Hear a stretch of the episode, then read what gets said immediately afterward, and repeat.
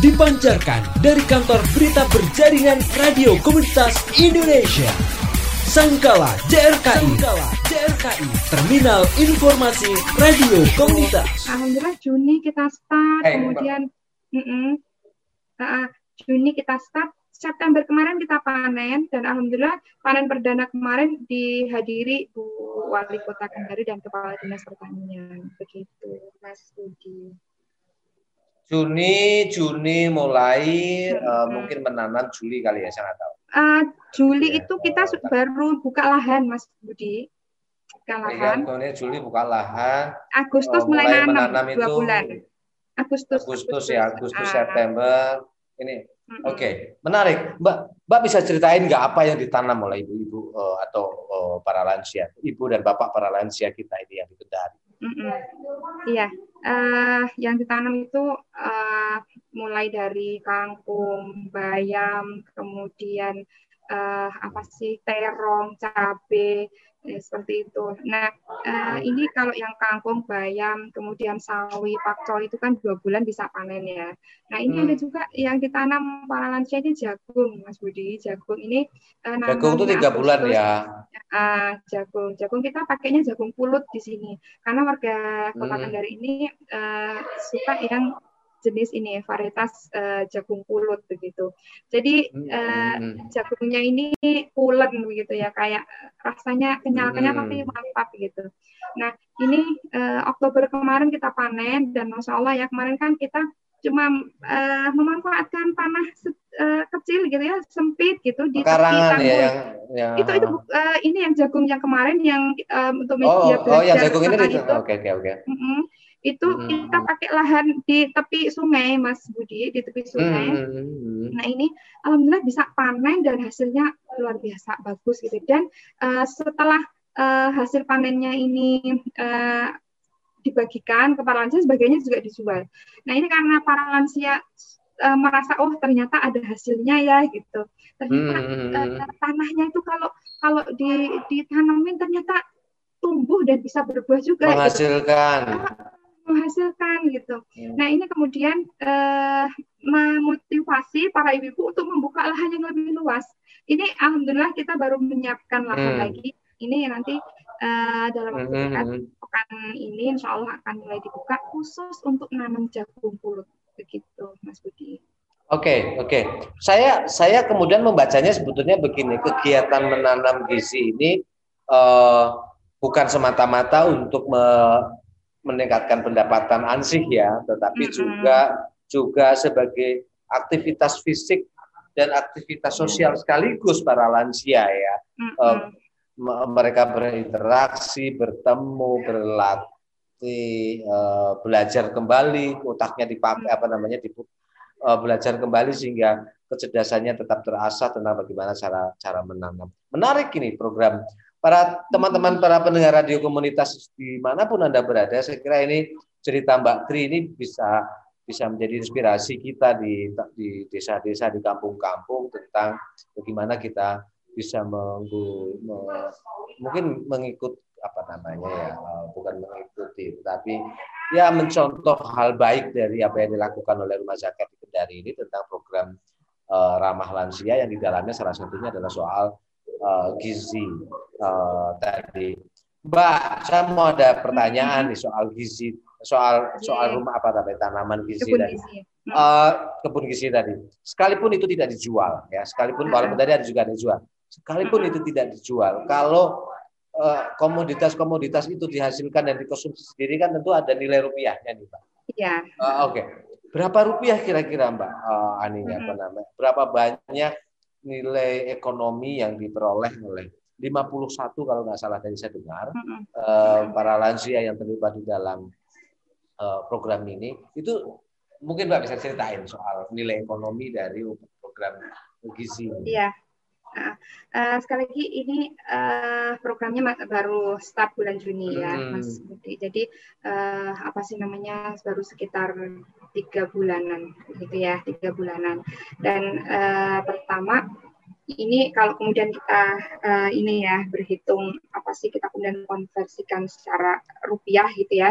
Nah ini kalau yang di kebun ini Mas, yang di kebun induk ya, yang di kebun induk kita kan tadi saya sampaikan kita punya dua kelompok ya, kita punya dua kelompok hmm. uh, kebun gizi yeah. ini tadi karena ini masa pandemi kelompok kebun gizinya pun kita bagi dua begitu kita bagi dua yang satu RT satu hmm. kelompok begitu nah uh, ini apa namanya sekali karena ini masih awalan ya Mas Budi uh, awalan hmm. untuk yang hmm. di kebun yang di kebun ini yang di kebun induk ya ini kalau yang di satu kelompok yang di pasir putih ini karena uh, apa sih namanya jenis tanamannya itu agak banyak begitu ini uh, untuk panen perdana kemarin panen perdana kemarin itu alhamdulillahnya ini ibu-ibu kader penggerak itu sejak awal betul kita uh, ajak untuk ayo bu tertib administrasi begitu. Nah kan hmm. ketika uh, uh, apa namanya proses semua kegiatan di, di kebun gizi lansia ini semuanya ter, tercatat dan termonitor. Termasuk ketika panen itu pun ketika misalnya dibagi ini jadi berapa ikat begitu. Jadi berapa ikat, hmm. jadi berapa hmm. uh, banyak lansia yang dapat begitu. Nah, ini uh, kalau kemudian kita sayur kemudian kita, uh, kita ukurannya ikat ya ikat ada sawi bayam macam-macam itu. Tadi uh, saya dapat apa namanya uh, catatan dari ibu-ibu pada penggerak itu.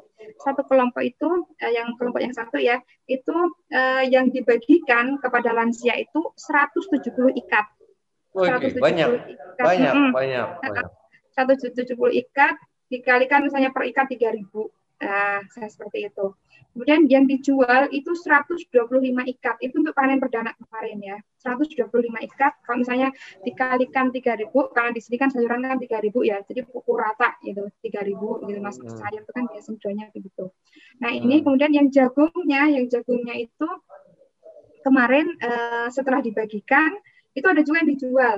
Hmm. Itu senilai 250 ribu Mas Budi. uh, wow, karena wow, kan panen panen perdana, uh, panen keren, perdana. Keren. Sehingga eh, totalnya itu eh, sekitar satu juta seratus tiga puluh lima ribu itu yang satu kelompok itu uangnya masuk hmm. ke kas seperti itu. Yap, yap, nah, yap, yap, yap. Nah kemudian yang di kelompok satunya karena lahannya sangat sempit sekali, lahannya kecil begitu. Ini hmm. yang dibagikan itu uh, lebih sedikit uh, apa namanya karena apa namanya hasilnya juga kan lahannya sempit juga juga apa namanya uh, hasilnya kan juga tidak seperti lahan yang satunya. Nah ini kalau kemudian dinominalkan, ini totalnya uh, sekitar 950 ribu itu untuk panen perdana ya, panen perdana. Ini yang yang tanaman yang baru ini belum kehitung ya, tanaman ya, yang okay. baru nah, seperti itu. Tetapi kemudian ada uh, nilai ekonomis yang kemudian uh, belum belum ini ya, belum kita hitung yaitu yang di pekarangan rumahnya para lansia gitu. Hmm. Karena rumahnya lansia mereka kan sudah mulai nanam, mulai nanam tuh, mulai nanam. Ada yang sudah panen, ada yang saat ini ya masih OTW panen begitu. Nah ini yang belum uh, kita data uh, by ini ya, by name begitu. Karena kan uh, kita terus kita pantau ya siapa nih yang sudah punya kebun gitu. Kita terus uh, report. Kita kan punya grup ya Mas Budi. Kita yep, punya yep, grup yep, yep. para lansia sekarang itu kan keren-keren mereka sudah bisa mengakses WA juga gitu. Mereka sering eksis. Ya itu jadi alat untuk kita koordinasi dan komunikasi. Betul. Ha -ha mereka eksis uh, foto sambil uh, di samping tanaman kampungnya gitu. Nah ini yang yang belum uh, belum kita ini ya belum kita hitung secara keseluruhan begitu. Tapi yang kebun Indo uh, kisaran itu Mas Budi. sangat uh, sangat sangat banyak dan saya kira ini sangat menginspirasi ya. Uh, uh, tentu uh, tentu tentu bukan soal jumlahnya kan, apalagi betul. karena ini baru baru apa namanya perdana dan baru mulai mm -hmm. gitu mbak ya. Iya. Uh, tapi tapi saya kira keren banget mbak uh, apa yang dilakukan oleh teman-teman di uh, rumah nah, sakit di Kendari.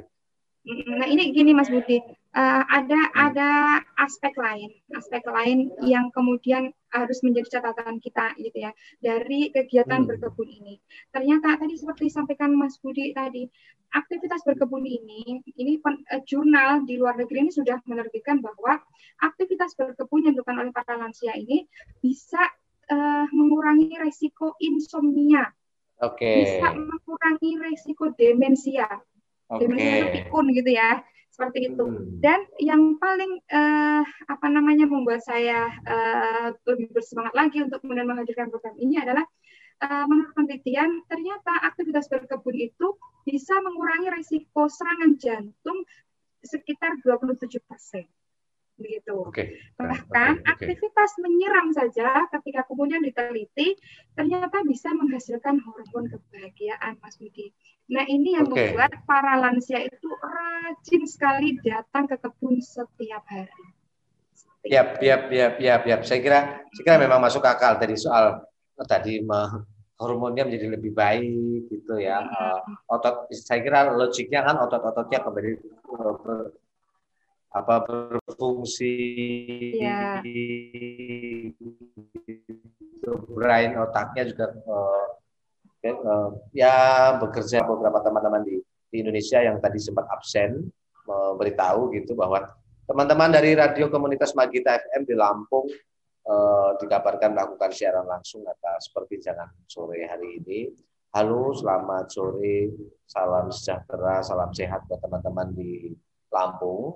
Uh, juga kawan-kawan dari Makassar, Cirebon, Padang, Jogja, dan Garut yang mengikuti perbincangan uh, kita, Mbak Tri, melalui channel YouTube, kayak gitu.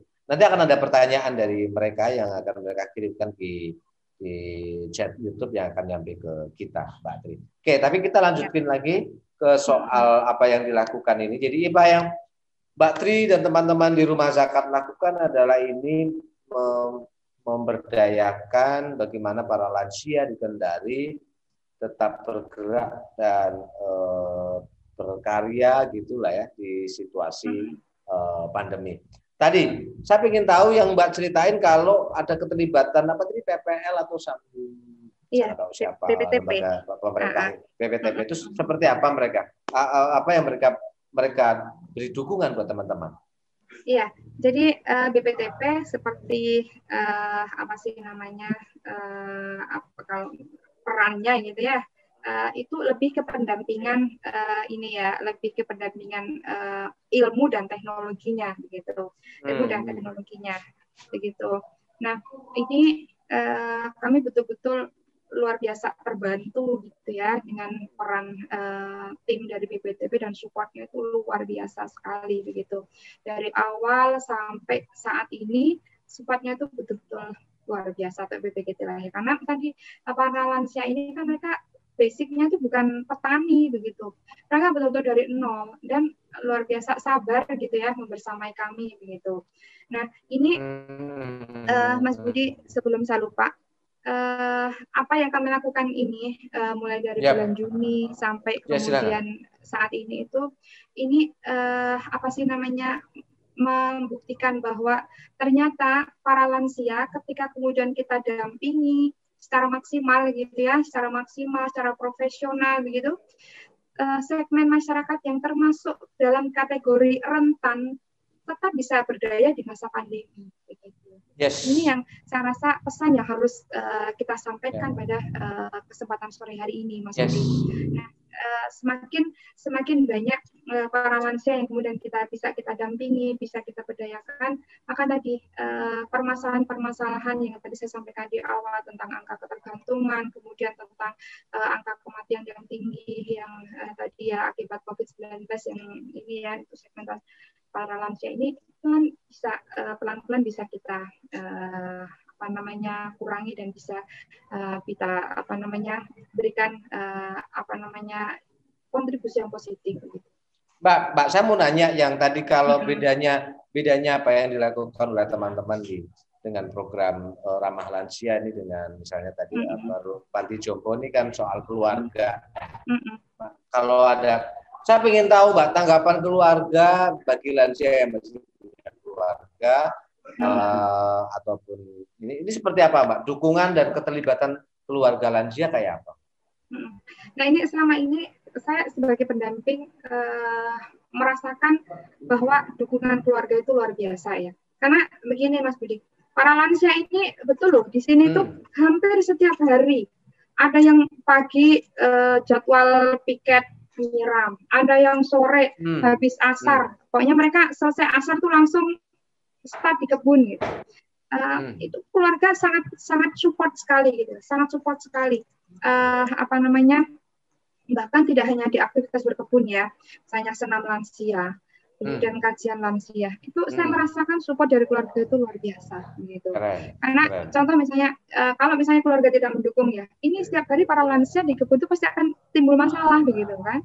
Tapi ini, masya Allah para lansia itu uh, merasakan uh, ketika kemudian uh, support dari keluarga yang hmm. uh, diberikan itu mereka bisa setiap hari bisa ke kebun, bisa terhubung secara sosial, bisa hmm. ketemu dengan teman-teman se uh, apa namanya sesama lansia begitu. Hmm. Ini kan uh, apa namanya hal positif juga, hal positif juga bahwa ternyata dukungan keluarga ini juga menjadi faktor penting agar para lansia itu bisa berdaya begitu. Siap, siap, siap, Mbak. Oke, ini menarik.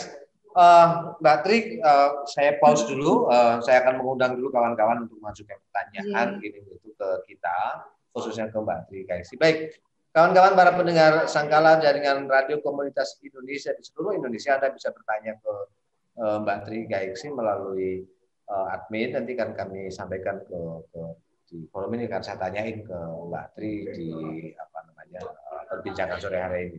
Mbak ini ada satu pertanyaan yang menarik. Ada konteksnya tapi nggak ada konteksnya ya. Ini soal soal apa namanya lansia. Mbak uh, saat ini kami sedang di lereng Merapi, gitu ya, di mana uh, kami sedang mendapat ya ketika Merapi meletuskan ini kan menjadi kelompok lansia adalah kelompok yang rentan ya. Kira gitu. Dan beberapa pengungsi sudah beberapa beberapa tempat sudah mulai ada pengungsian buat para pengungsi khususnya buat uh, lansia. Pak mau nanya ini kami mau nanya bagaimana mengelola pengungsian yang nyaman bagi lansia uh, di situasi pandemi seperti ini. Mungkin Mbak Mbak Tri punya saran. Silakan Mbak. Ya, uh, kemarin Mas Budi, uh, kemarin tuh saya, saya barusan buat tulisan juga karena saya tuh bela suka belajar nulis, Mas Budi. Saya yep. sering nulis. Temanya masih pokoknya temanya lansia gitu, karena saya pengen saya betul-betul uh, betul-betul apa namanya pengen menekuni betul dunia lansia begitu. Nah kemarin saya menulis tentang ini uh, nasib lansia di tengah bencana begitu. Saya mengambil uh, contoh kasus di Kelurahan Gelaga Harjo. Nah, uh, saya kemarin melihat ya, melihat uh, dari akun uh, Facebooknya Pak Camat gitu yang saya uh, lumayan dekat dengan beliau begitu. Uh, kemarin uh, apa namanya para lansia sudah mulai diungsikan gitu memang dilematis ya di masa pandemi seperti ini, di mana para lansia seperti yang saya sampaikan tadi, mereka uh, berada uh, pada situasi yang seperti ini di masa pandemi sekaligus dihadapkan um, pada situasi merapi yang saat ini siaga uh, tiga begitu. Nah kemarin apa namanya hal yang saya apresiasi dari segenap aparat dan juga relawan itu para lansia mereka uh, sudah dievakuasi uh, gitu. Itu itu satu hal yang harus kita apresiasi. Apa namanya para lansia ini kan seperti saya sampaikan tadi mereka adalah kelompok rentan di situasi bencana. Uh, kenapa masuk hmm. kelompok rentan? Karena memang uh, secara fisik uh, mereka akan kesulitan untuk bisa uh, menyelamatkan diri dari situasi bencana. Nah ini saya pertama saya sudah mengapresiasi, mengapresiasi para lansia sudah uh, saat ini sudah dievakuasi ke barak-barak di um, contohnya misalnya di Gelaga Harjo. Nah uh, kemarin juga uh, saya melihat uh, apa namanya sudah ada upaya untuk contoh misalnya uh, semua pengungsi harus rapid begitu. Itu hmm. satu ikhtiar yang saya rasa perlu di, kita apresiasi baik, gitu ya. Ikhtiar untuk, yang baik ya. Mm, untuk kemudian meminimalkan uh, apa namanya uh, penularan COVID. Nah kemarin juga ada beberapa catatan yang saya sampaikan. Pertama, bagaimana kemudian kita membantu para lansia di barak-barak pengungsian itu. Contoh kecil misalnya kamar mandi, Hmm. Bisa nggak uh, kita membantu para lansia agar lebih mudah mengakses kamar mandi? Ada tempat khusus untuk para lansia, seperti itu. Kemudian juga akses jalan, akses jalan menuju misalnya uh, kamar mandi seperti itu, itu harus kita perhatikan betul, seperti itu. Nah kalau kemudian kita bicara uh, bangunan yang ramah lansia, contoh kecil misalnya, kamar mandi itu harusnya yang betul itu bukaannya ke dalam apa keluar, Mas Budi? Ayo. Hmm, kamar mandi, mandi keluar, keluar. Betul, keluar. Keluar. keluar. Jadi kalau misalnya terjadi apa-apa dengan lansia di dalam, itu kita bisa uh, membukanya keluar. Gitu. Ya, Contoh ya. misalnya kalau misalnya ada lansia yang jatuh di kamar mandi, kemudian dikunci dari dalam, ketika kita dobrak, itu akan membahayakan lansia yang di dalam. Betul, keluar. Nah ya. ini harusnya ke depan, contoh misalnya di barak-barak pengungsian, hal-hal seperti ini harus kita perhatikan. Nah okay. kemarin juga uh, saya lihat itu jalan, jalan ini ya, jalan uh, itu kan ada uh, apa namanya agak tinggi itu kan. Nah kalau hmm. kalau kemarin saya sudah melihat ada yang bisa kursi roda bisa naik gitu. Jadi kayak okay. apa sih mas? Uh, Akses aksesnya ya. aksesibel. Uh, tidak terlalu Betul. tidak terlalu curam gitu. Hmm, akan lebih aman lagi kalau itu dikasih pegangan. Ya. Sehingga para lansia bisa lebih aman ketika menuruni uh, jalan itu begitu. Termasuk nah, di kamar mandi kalau ada pegangannya juga bagus. Betul. Nah, dulu saya ingat betul Mas di rumah saya, dulu kan bapak saya sebelum meninggal itu kan kena stroke ya. Yeah. Nah, ini suami saya tuh membuatkan uh, apa sih di kamar mandi itu handle pintu itu loh mas. Handle pintu yes, kan murah yes, yeah. jadi dipasang handle handle pintu untuk pegangan gitu. Sehingga itu akan memudahkan uh, para lansia. Nah ini bisa juga nih para relawan nanti memperhatikan hal-hal seperti ini di barak-barak pengungsian. Terus kemudian juga pendampingan. Nah uh, mas Budi kalau kita bicara terkait trauma healing. Selama ini trauma healing ini hanya terfokus untuk anak-anak Sementara para lansia itu tadi saya sampaikan, nah. para lansia itu sudah mulai juga gampang cemas, gampang khawatir, bisa stres juga. Maka kemudian menjadi penting juga untuk kita menghadirkan trauma healing untuk para lansia. Begitu, Mas Budi. Baik. Baik. Nah ini ada pertanyaan yang kedua juga saya kira sama pentingnya nih, Mbak Tri. Kadang lansia kan emosinya atau moodnya naik turun karena faktor usia. Bagaimana yeah. cara kita Bagaimana cara kita melakukan pendekatan terhadap lansia agar mau terlibat dalam program kebun gizi? Nah, mungkin Mbak Ti bisa ceritakan pengalaman. Iya, nah tadi eh, apa namanya para lansia itu kan tadi gampang sensitif, apalagi kalau misalnya hmm. lansia itu kan misalnya punya hipertensi, apa dikit marah, apa dikit marah begitu. Hmm. Makanya kemudian eh, kita coba para lansia ini untuk uh, ini dimotivasi terus gitu ya, dimotivasi okay. terus. Ayo uh, apa namanya ngumpul dengan komunitasnya. Dan saya yakin Mas Budi kalau okay. dibuatkan komunitas mereka tuh pasti mau. Saya yakin okay. itu. Dan ini sudah saya buktikan. Paling tidak ada teman-teman curhat, teman ngobrol, iya, teman gitu betul, ya. Coba kalau misalnya ya, uh, misalnya di rumah, di rumah ini uh, semuanya usia produktif hanya satu orang tua kita saja yang di situ gitu. Jadi kalau misalnya ngeluh juga ini uh, anaknya oh itu nggak apa-apa bu itu faktor U begitu kan. Uh, ini yang lainnya sehat bisa lari ke mana-mana bisa aktivitas apa saja. Tetapi ini apa namanya lututku kok buat berdiri saja sakit buat yeah. uh, begini sakit begitu. Ketika kemudian ngadu ke anaknya cerita ke anaknya enggak apa-apa bu itu faktor O begitu. Tapi kemudian ketika ngumpul dengan teman-teman seperjuangannya teman-teman segengnya para lansia ini mereka tidak merasa sendiri. Mereka yes. merasa punya teman yang senasib begitu. Oh kalau ngumpul begini oh gula darahku segini ya kamu berapa gitu asam uratku segini hmm. wah asam uratku lebih tinggi gitu nah ini hmm. ini ini terbukti di banyak komunitas yang kemudian saya dampingi jadi kemarin waktu saya di Jogja itu kan sering diminta untuk uh, menjadi uh, motivator gitu ya untuk kemudian teman-teman yang buka program ramah lansia ketika kemudian kita hadirkan ini itu semangatnya hmm. luar biasa para lansia gitu nah makanya ya. kemudian yeah. uh, kita para anak-anak ini coba uh, mulai kita pikirkan untuk kemudian uh, merintis komunitas kecil di lingkungan kita gitu. Saya pun dulu begitu Mas Budi ketika tujuh yes. tahun yang lalu saya merintis program ini dimulai dari orang tua saya. Karena di rumah saya itu kan ada ibu saya, ibu kandung, bapak kandung, ada ibu mertua. Jadi makanya boyong jadi satu di rumah saya, rumah di gunung itu pokoknya kita kosongkan biar semuanya terpantau begitu. Saya berpikirnya ini kalau di rumah terus ini pasti bakalan gampang sensitif dan sebagainya. Akhirnya saya data ini di kampung saya di Prambanan itu ada berapa lansia, eh, kita kumpulkan setiap Selasa ngaji di situ.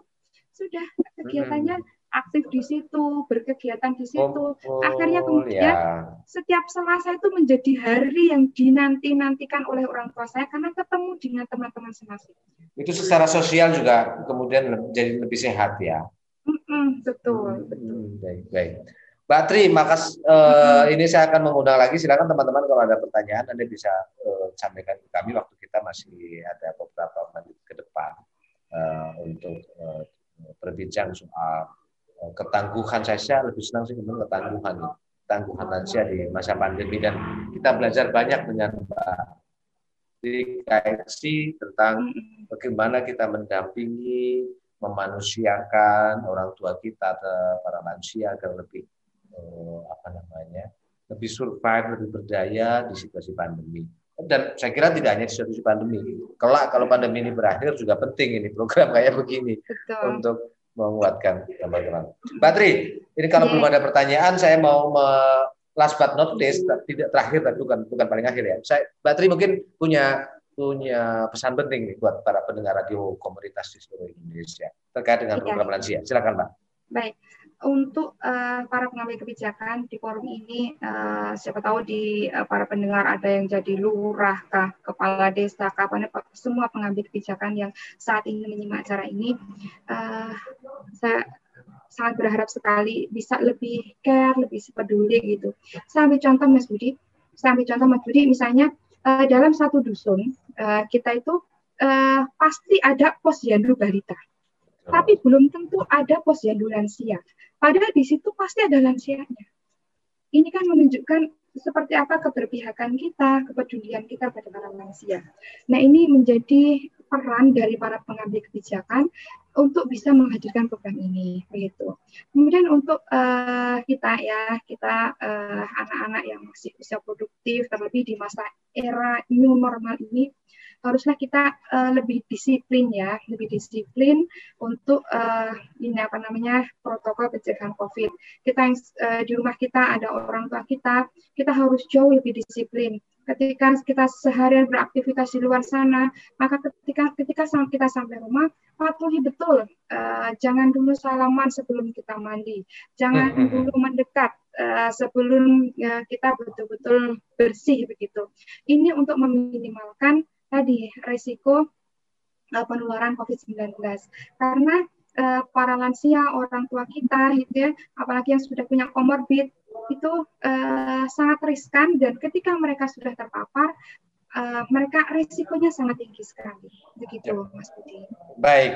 Mbak Tri, terima kasih banyak atas kehadirannya di uh, Sangkala Jaringan Radio Komunitas Indonesia pada sore hari ini. Uh, salam sehat, Salam kami buat teman-teman di Kendari dan tetap semangat Siap. untuk para lansia kita. Para pendengar uh, jaringan radio komunitas di mana pun Anda berada, demikianlah bincang Rabu pada sore hari ini bersama bintang tamu saya yang istimewa, Mbak Tri Kaiksi dari Rumah Zakat yang tadi bercerita banyak soal bagaimana program pemberdayaan buat para lansia. Salam sehat, tetap semangat dan selamat sore. Sore, terima kasih Mas Budi. Terima kasih Mbak Tri. からジェルダン